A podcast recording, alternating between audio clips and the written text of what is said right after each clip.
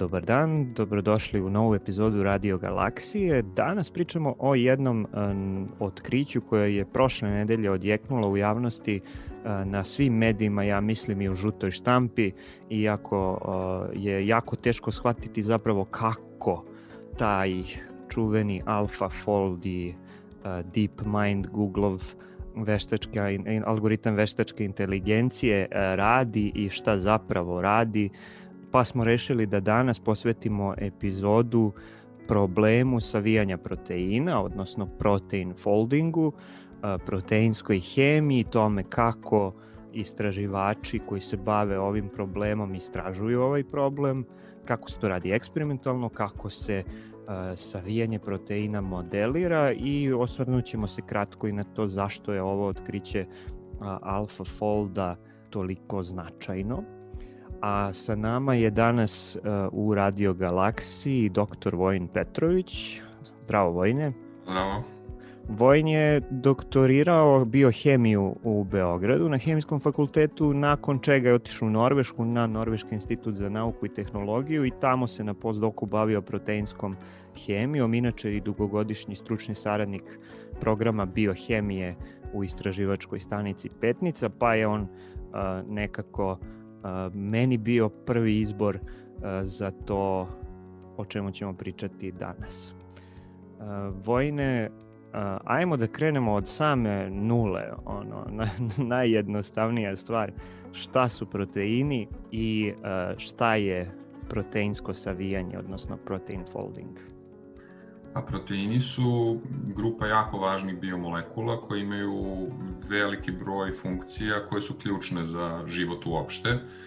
Oni imaju enzimske uloge, imaju gradivne uloge i u principu oni se ponašaju kao naj, najživlji organski molekuli, to jest organski molekuli koji mogu nositi najveći splet e, funkcija i, i, i osobina.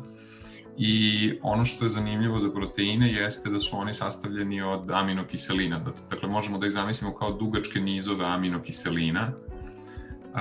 I aminokiseline koje su dakle najmanje gradivne jedinice proteina predstavljaju grupu od nekih dvadesetak organskih molekula.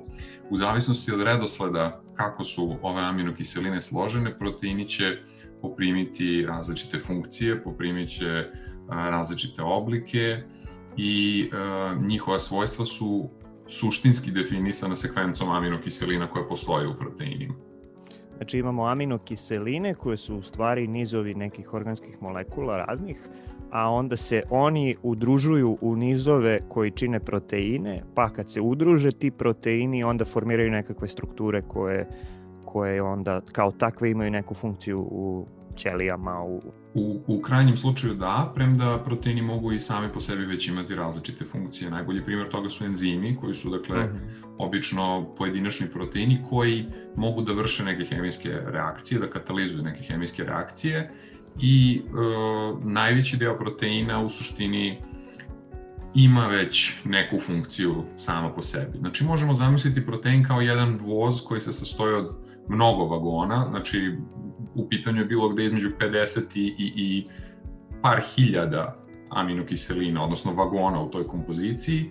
I ukoliko imamo, da kažemo, 20 boja vagona, 20 tipova vagona, e, jasno je da je broj kombinacija ovih aminokiselina u toj sekvenciji e, jako veliki, a one su e, od, od suštinskog značaja za definiciju funkcije i strukture proteina.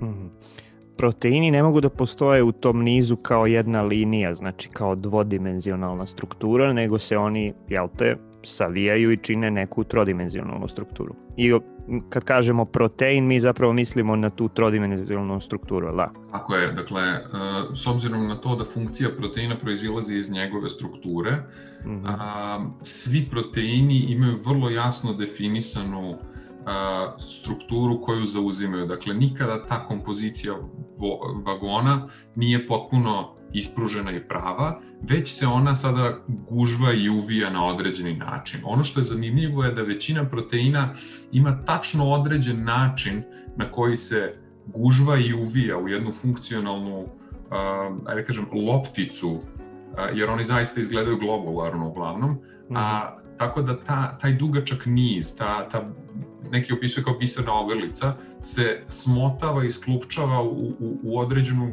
gotovo čvoroliku strukturu koja je prilično stabilna i tek ta struktura je ono što ima funkciju u živom svetu. Mm -hmm. Pa ajde da krenemo, je, je li to protein folding? Upravo tako, dakle mm -hmm. način na koji se sada ta uh, struna sastavljena od sekvence velikog broja aminokiselina savija uh, je ono što zovemo protein folding. Ono što, što je zanimljivo jeste da uh, toliko jedan veliki molekulski sistem se spontano uvija na, na tačno jedan način, svaki put kada je mhm. proizveden u ćeliji. Mhm. -huh. Znači mi imamo neki određeni raspored aminokiselina u proteinu i taj raspored nam određuje tačno jedan način kako se taj protein, taj voz sklupča u 3D strukturu koju posle zovemo protein. Tako. Sad, zašto se to dešava? Pa, da bismo razumeli kako uopšte ceo problem protein foldinga, odnosno savijanja proteina, izgleda, moramo pogledati strukturu te osnovne gradivne jedinice uh, uh-huh. proteina, a to je aminokiselina. Aminokiselina, znači rekao sam, njih ima dvadesetak.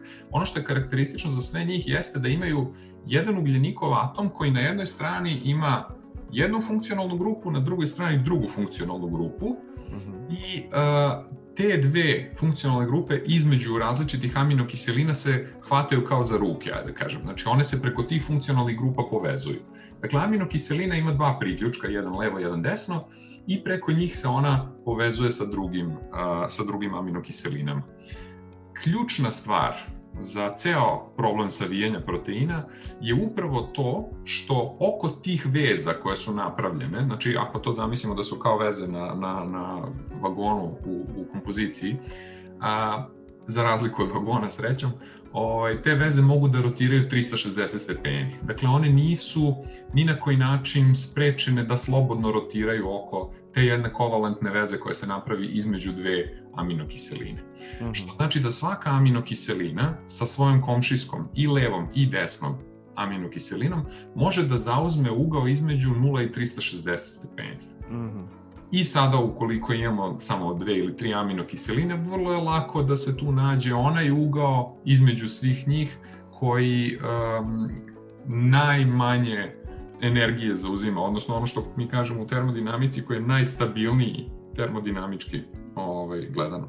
Problem nastaje u tome kada imamo velike strukture, jer za svaku aminokiselinu koju mi imamo u, a, u lancu, mi imamo, moramo da odredimo tačne vrednosti uglova koje ona zauzima sa komšijom ispred nje i komšijom mm. iza nje.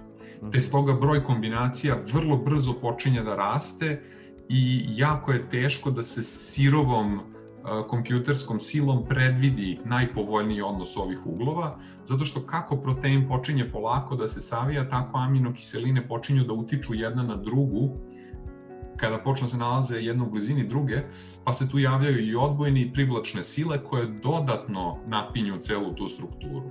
Dakle, ako je u prvom momentu čak i kažemo da je to prosta kombinatorika uglova između velikog broja aminokiselina, već u drugom koraku tu počinju da se javljaju neki prostorni efekti između tih aminokiselina i one počinju da diktiraju ponašanje jedna drugoj i to sve eksponencijalno komplikuje problem predviđanja strukture proteina nakon savijanja.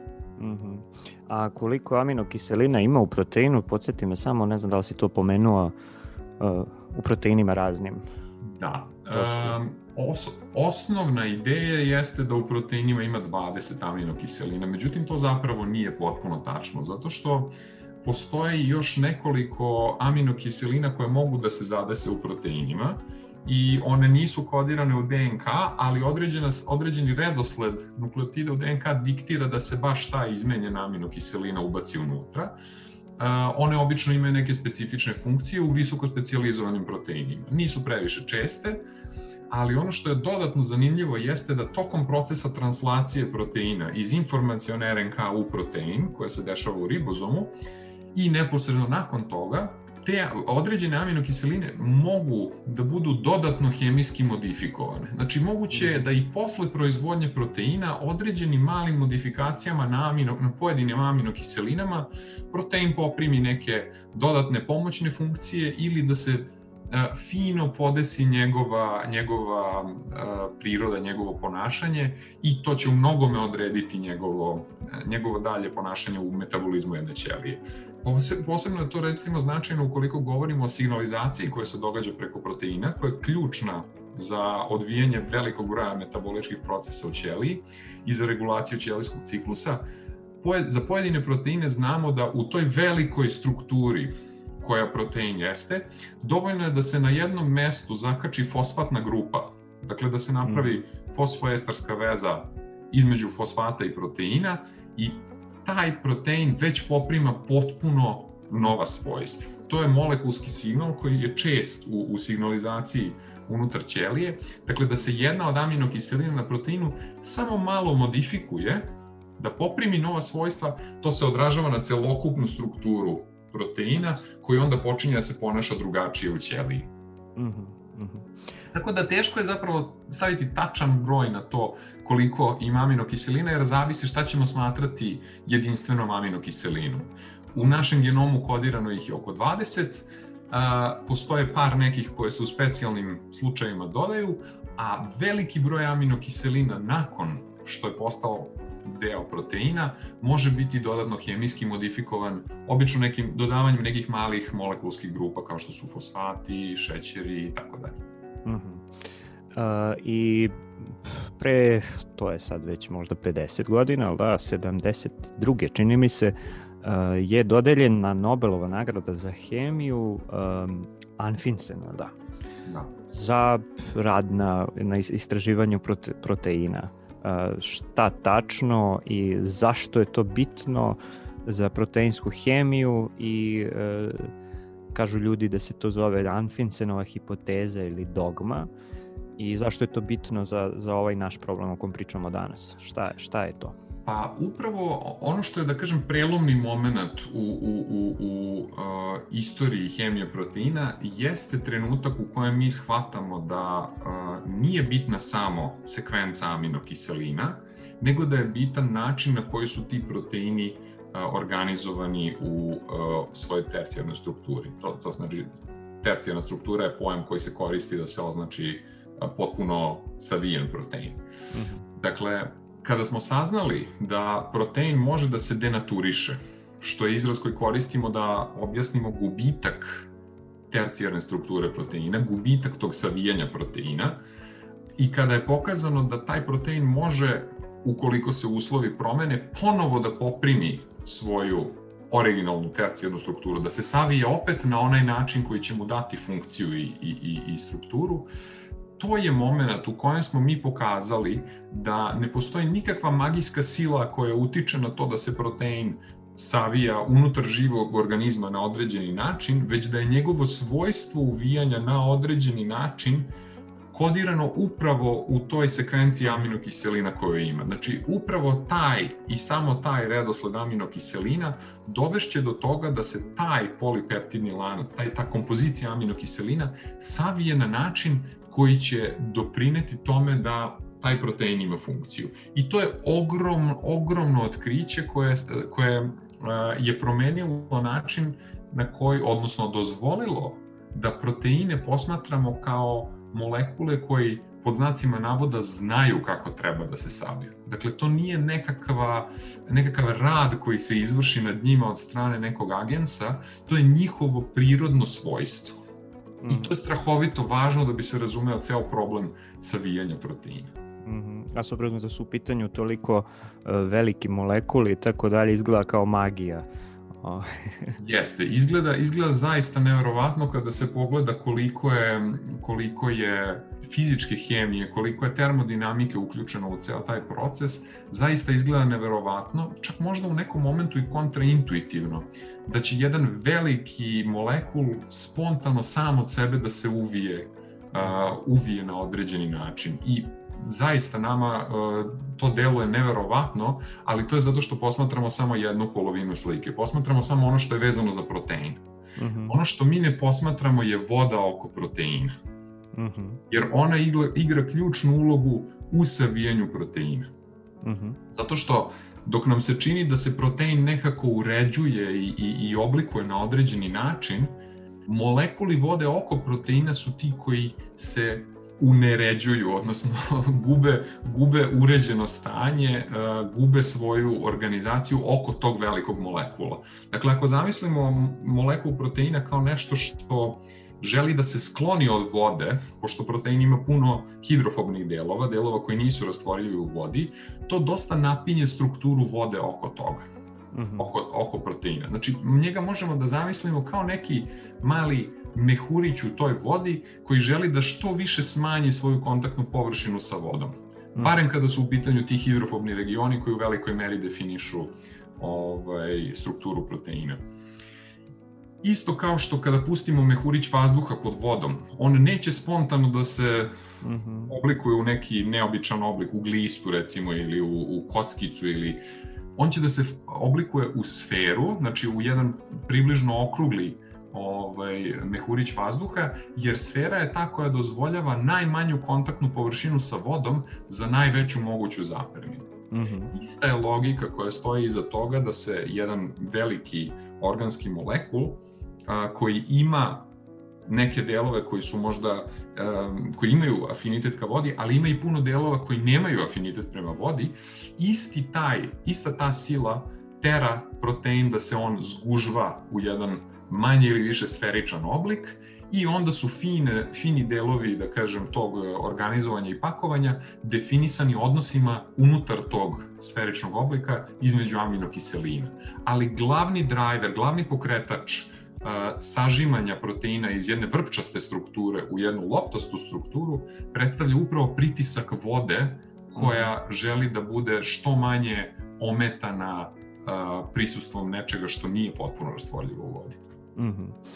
E sad, ajde da možda pređemo na neku priču zapravo o metodologiji. Mi u stvari znamo od 70. godina za problem protein foldinga, pomenut ćemo posle zašto je to toliko veliki problem, ali a, ajde ti sad kad pričaš sve to da voda igra tu ulogu, takvu kakvu igra i tako dalje, kako mi to znamo, znači kako se ljudi koji se bave proteinskom hemijom, hemijom, biohemijom i tako dalje, bave istraživanjem baš tog problema. Znači, šta oni koriste? Jer koriste neke ovaj, posebnu mikroskopiju posmatranja tih proteina, da li ne znam, računaju gomilu nekih jednačina iz fizike koje pokazuju kako se ti sad molekuli međusobno odbijaju, privlače i tako dalje.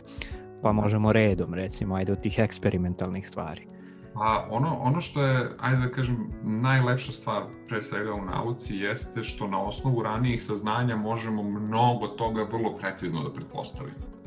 I m, vrlo, vrlo rano u, proučavanju proteina postalo je jasno da ukoliko zaista postoje tako neke velike vrpčaste strukture, one najverovatnije nisu slobodno rastvorene u vodi upravo zbog svega ovoga što sam rekao, jer to je već mm -hmm rana fizička hemija je znala za važnost entropije, odnosno entropijskog faktora u organizaciji strukture, ne samo proteina, nego generalno u organizaciji bilo kakvih heterogenih sistema. Znači, od, od mešanja vazduha i vode ili ulja i vode i načinu na koji se to događa, nekako smo već mogli da pretpostavimo da najverovatnije nije u pitanju prost lanac molekula koji landara okolo.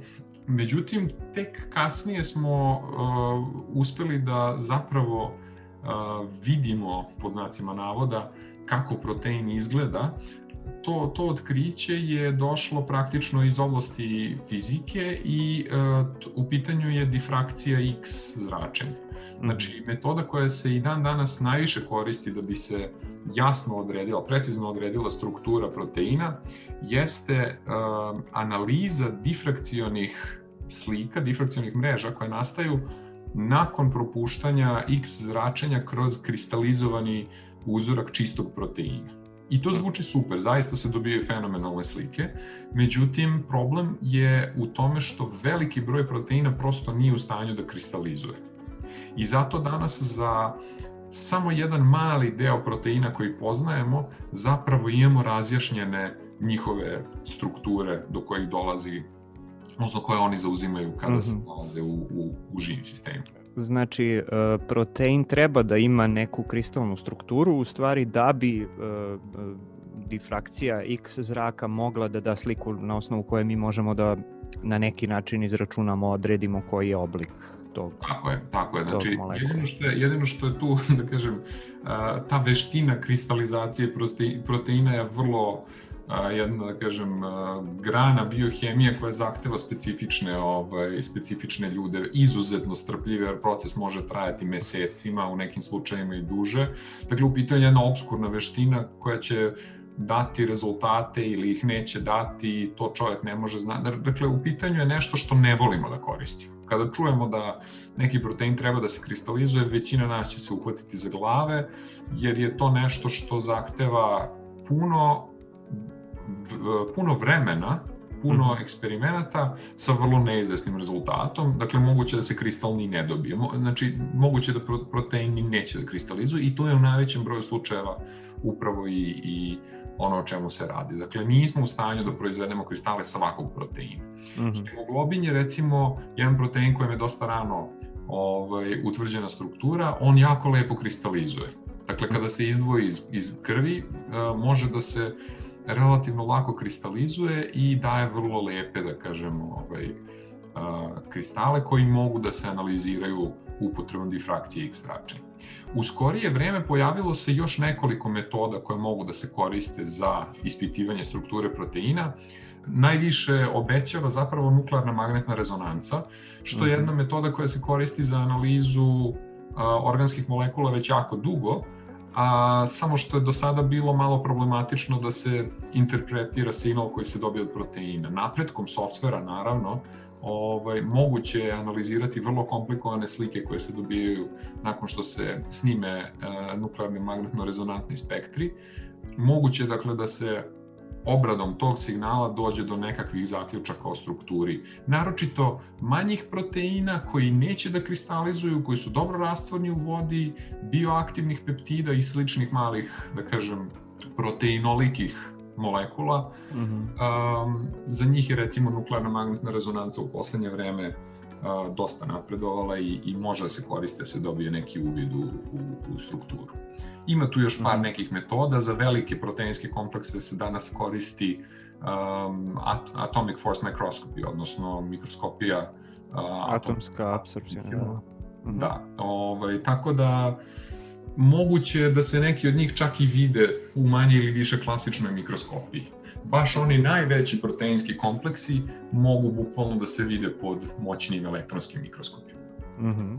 A kako se eksperimentalno posmatra, ispituje, meri, zapravo sam taj proces savijanja, rekao si ili nisi rekao, sam ja to pročitao, sad ne mogu ni da, da se setim, da taj proces traje jako kratko zapravo, znači to nije nešto što traje, ne znam, minut, dva, pet, nego se de dešava u milisekundama.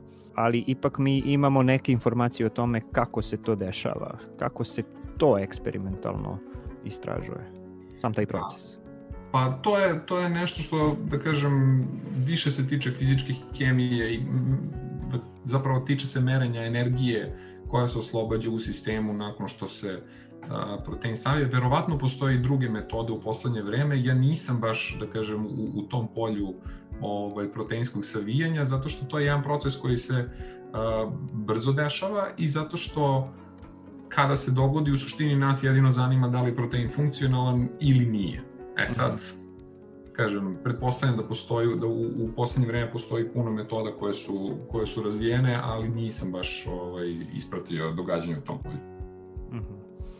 Uh, ok, ovde možemo da napravimo malu muzičku pauzu, uh, pa možemo posle toga da se vratimo da pričamo o tome kako se zapravo uh, modeliraju ovi procesi. Ovo je eksperimentalno ispitivanje, posmatranje proteina, a, a šta nam govore modeli i računari, to možemo nakon pauze.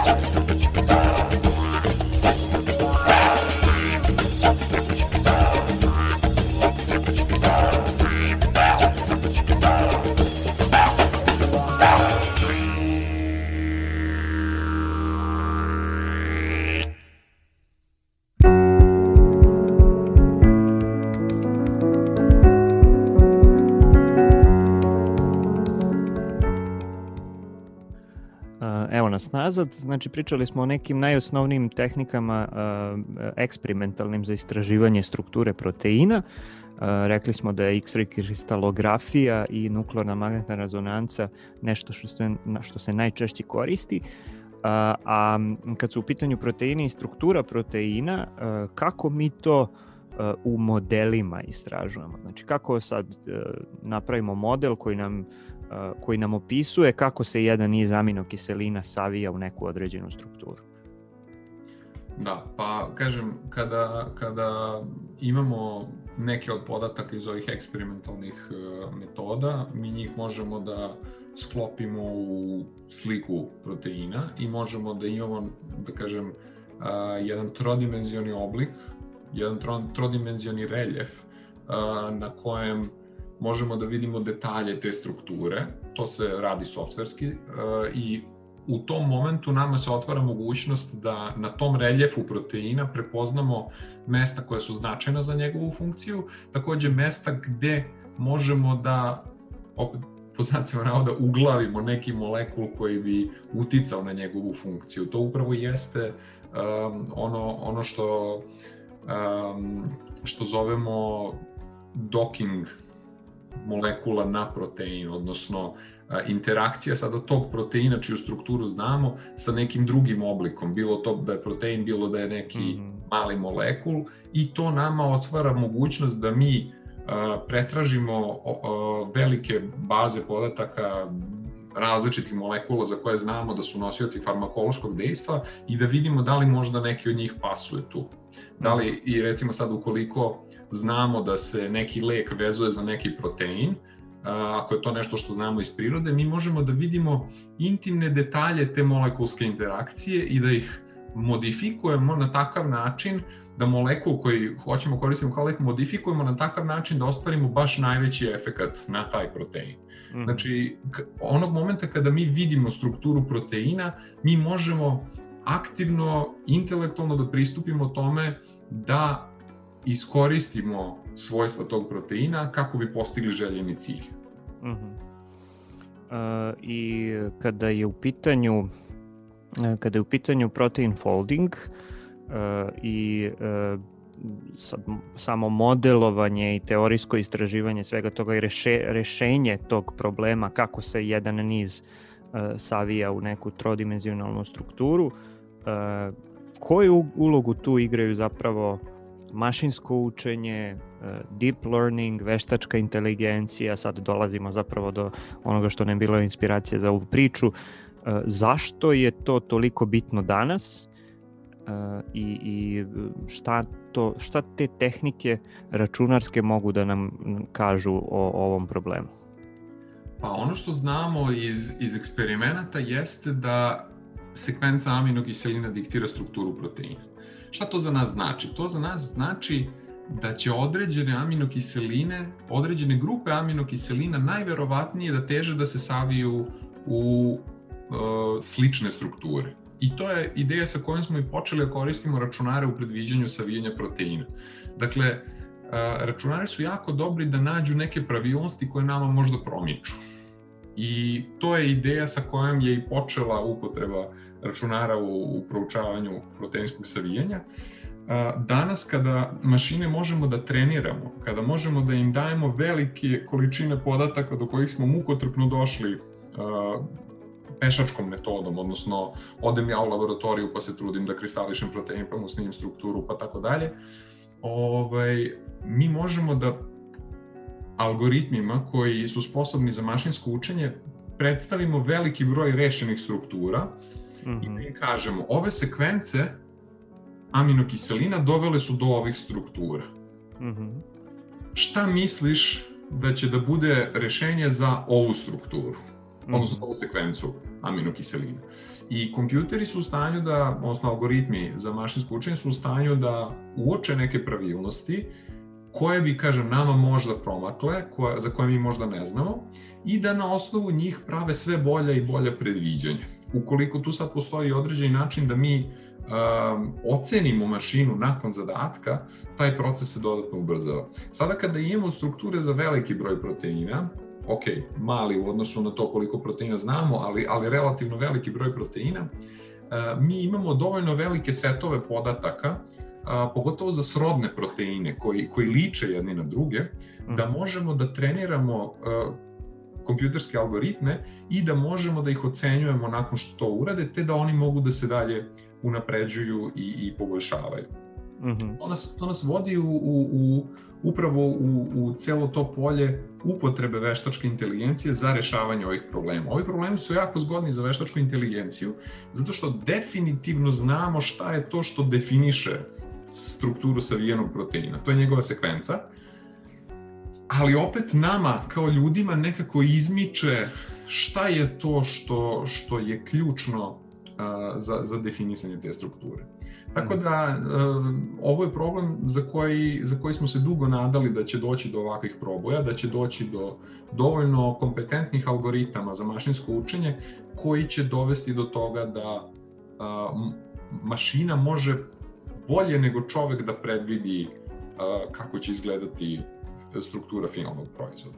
Tako da velika, velika mogućnost za upotrebu mašinskog učenja i veštačke inteligencije u ovome je nešto što mislim da će, a opet s druge strane velika važnost ovog pitanja, Dakle, proteinsko savijanje nije nešto o čemu pričamo uz kafu, ali od ogromnog značaja za kompletne biomedicinske nauke, jer nas vodi ka nalaženju novih, uh, novih lekova i uzroka bolesti koje, koje postoje danas. Mm -hmm.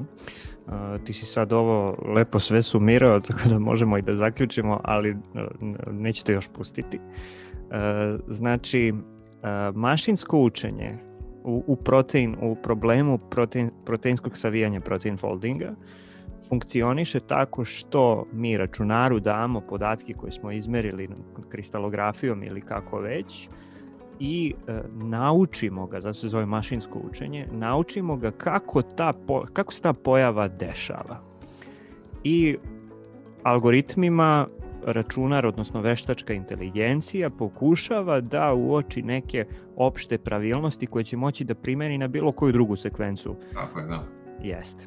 I sad, mi u suštini ne znamo kako to radi. Mi ne znamo kako radi taj, kako veštačka inteligencija uoči te pravilnosti i ne znamo koje su to pravilnosti i to nisu fizički zakoni, znači to nije nešto što ne znam, Newton je posmatrao kako pada jabuka i kako se kreće mesec oko zemlje, pa je onda zaključio da je tu sila gravitacije koja je privlačna i tako dalje i napravio svoju teoriju gravitacije ovde mašinsko učenje samo daje neku um, daje rešenje daje procenu, ja bih rekao. Znači, mm -hmm. daje, zato što m, videli smo na, na, baš na ovom primjeru koji je a, pre par dana a, a, objavljen, a, videli smo da kompjuter ne pogađa 100% strukturu, mm -hmm. ali da je stepen pouzdanosti te strukture izuzetno visok.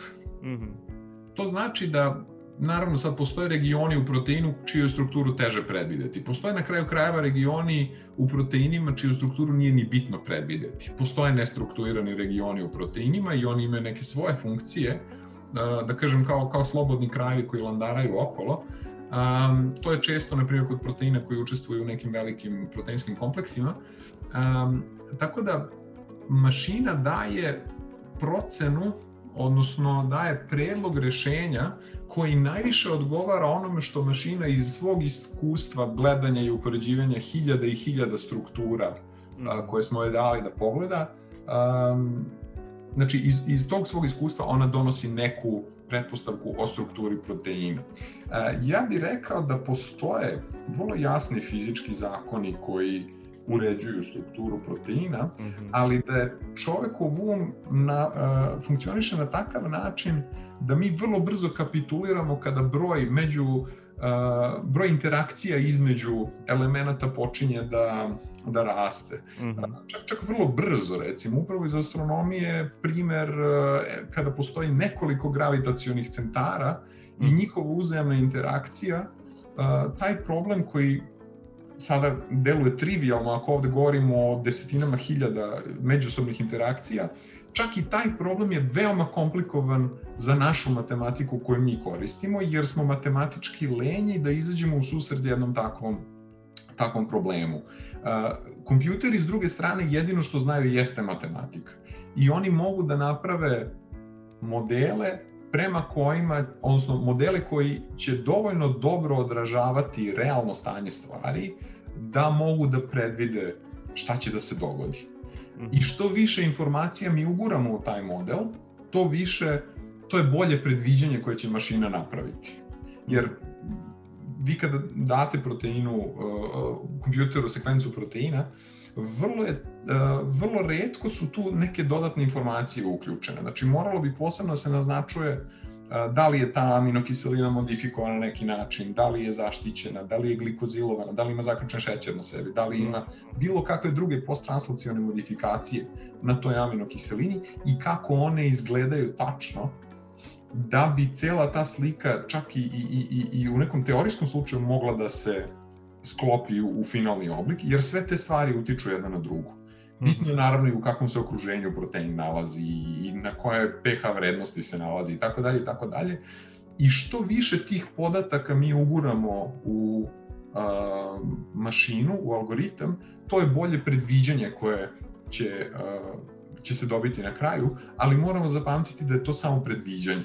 Mm -hmm. I da ono mora biti potvrđeno nekakvim eksperimentalnim pristupom, zato što model ne odražava uvek stvarnost. Mm -hmm. um, ne moramo dalje da ulazimo ovo, prilično je e, dubiozna tema, tako kažem, ali je meni interesantna uh, iz perspektive toga što je uh, epistemološki interesantno na koji način sad da kažem pod navodnicima teorije koje proističu iz svih tih fenomenološki uočenih relacija, da tako kažemo, u, u uh, samom tom procesu machine learning određivanja rešenja, procena i tako dalje i tako dalje. E, to je onako posebno interesantno polje danas, ja mislim, za, za, za epistemologiju a, i, e, i ne znam, u jednoj od prethodnih epizoda smo pričali upravo o tome kako se mašinsko učenje koristi da se da se istraže kom, komplikovane relacije u problemu zagađenja vazduha i transporta čestica kroz vazduh u urbanim sredinama i tako dalje i tako dalje.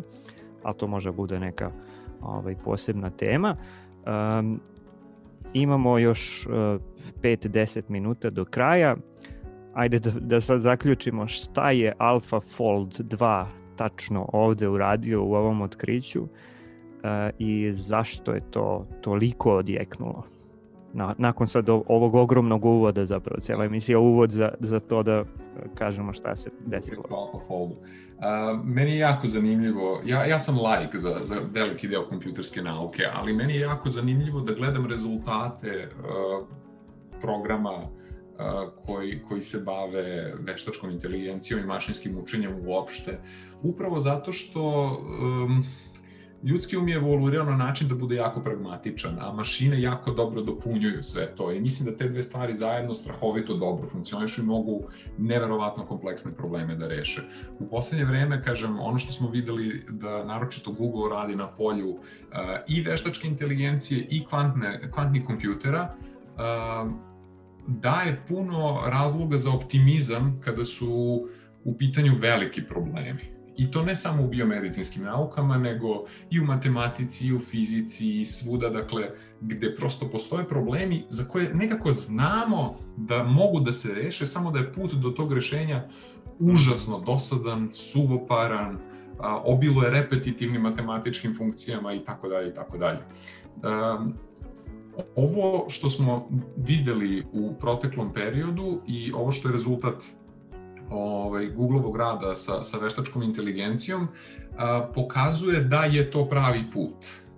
Mm -hmm. Ja ne bi išao toliko daleko da kažem da je ovo finalno rešenje za sve proteine u biohemiji, ali ako nije u ovoj iteraciji, onda je u sledećoj ili onoj posle te.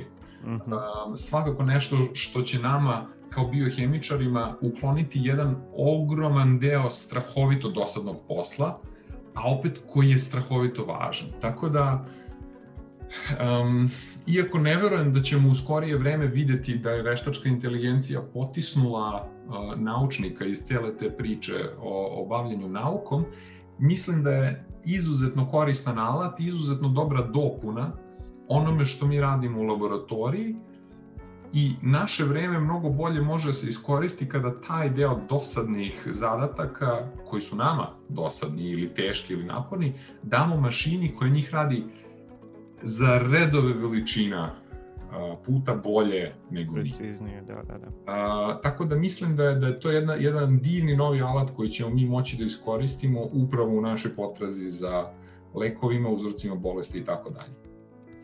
E, um, kad smo kod toga, sa time možemo i da zaključimo zapravo emisiju. Koje, koje su konkretne praktične primene zapravo rešenja problema proteinskog savijanja za, ne znam, na neke od proteina? Možda, evo sad, ako pogledate na sajtu, kako se zove, Deep, Deep, Google Deep Mind, sve ove informacije i članke vezane za AlphaFold, tu može da se nađe recimo jedna ideja, jedan rad o tome kako e, proteinsko savijanje, rešavanje problema proteinskog savijanja za neke konkretne virusne proteine može zapravo da doprinese tome da pronađemo lek za e, COVID-19, na primer. Pa sad ne moramo sad o COVID-19, ali, ali šta su neke najosnovnije i ne, nešto što se očekuje da će možda u bliskoj budućnosti da bude rešeno upravo zbog toga što imamo uh, rešen problem protein foldinga za veliki broj proteina. Da. Pa možda baš korona jeste zapravo dobar primer upravo zbog toga što smo jako brzo iskoristili znanja koje imamo na polju virusologije, naročito vezano za koronaviruse. Jako brzo smo iskoristili ta znanja da bismo rešili i strukturu virusa i da bismo počeli da proučavamo šta je to što je na toj strukturi važno. A, tako smo i došli do saznanja da je upravo onaj spike protein a, koji, koji je prominentan nekako na površini virusa, da je on značajan za njegovu funkciju. I mhm. sada kada u, u nekom opštem slučaju imamo neki protein koji je značajan za nastanak neke bolesti ili za izlečenje neke bolesti, mi možemo da, ukoliko poznajemo njegovu strukturu, nađemo one regione na tom proteinu za koje može da se veže možda neki lek koji već imamo. Ili s druge strane, ukoliko a, nemamo odgovarajući lek za to, a, za taj protein, znači ne, nešto što bi se za taj protein vezalo, pa bi ga aktiviralo ili deaktiviralo ili šta god, mi možemo, sada kada znamo kako izgleda njegova struktura, mi možemo da modelujemo opet upotrebom istih ovih algoritama, da napravimo uh, novi molekul koji još uvek ne postoji, koji će mhm. savršeno odgovarati upravo toj topografiji molekulskoj koja postoji na površini proteina.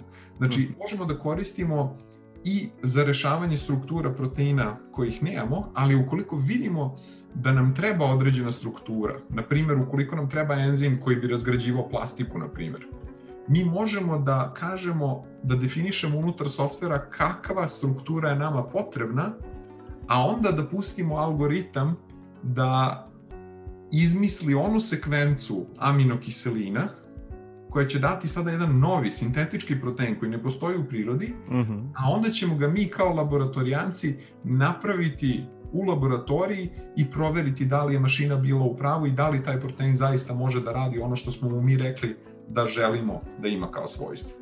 Mhm. -huh. Tako da, osim što je veliki korak napred za proučavanje prirode koja je oko nas, ogroman je korak napred i u tome da idemo dalje, da stvaramo nove strukture, nove proteine, nove molekule koji će sada raditi ono što nas zanima. U nekoj najluđoj futurističkoj varijanti omogućit će nam da stvaramo molekulske mašine koje će moći da rade tačno one stvari koje nama trebaju. Mm. Znači male molekule, odnosno male, nisu oni mali, oni su proteini, oni su veliki, ali proteine i molekule koji će tačno biti prilagođeni onoj funkciji koja je nama potrebna. Mm -hmm. Pa sad bilo to lek ili, ili, ili nešto drugo. Mm -hmm. Ili čak opet u nekoj futurističkoj varijanti proizvodnja malih, vrlo malih mašina, izvođenje izuzetno preciznih hiruških operacija, mm -hmm. izvođenje mikromanipulacije na, na, na materijalima, na E, dakle, sve ono zašto bi jedna jako, jako, jako mala alatljika mogla da se koristi. Mm -hmm. Pa ti sad kažeš da je to neka futuristika i, i ok, jeste futuristika, a, a jel imaš neku procenu koliko je to zapravo daleka, odnosno bliska futuristika, zato što sad kad meni pričaš sve, sve to, a kad pogledamo šta se sve dogodilo u posljednjih recimo 10 godina što se tiče napretka tehnologije i nauke i, i, i znanja generalno, uh, ja čak imam utisak da to neće biti ni toliko daleko koliko možda sad zvuči. Prve stiljive korake u tom pravcu smo već napravili. Dakle, na, na, nano, nano mašine nisu, odnosno nano tehnologija nije nešto što je sada već stvar naučne fantastike. Prve korake u tom pravcu smo napravili. Um, a ako je, ako je pitanje koliko brzo će ta tehnologija napredovati, ja mislim da Murov zakon može da se primeni i tu kao i na druge mm. tehnologije, dakle da je taj napredak eksponencijalan, no nije linearan. Ako nam je trebalo 10 godina za prvi korak, treba će nam godina ili dve za drugi i par meseci za treći.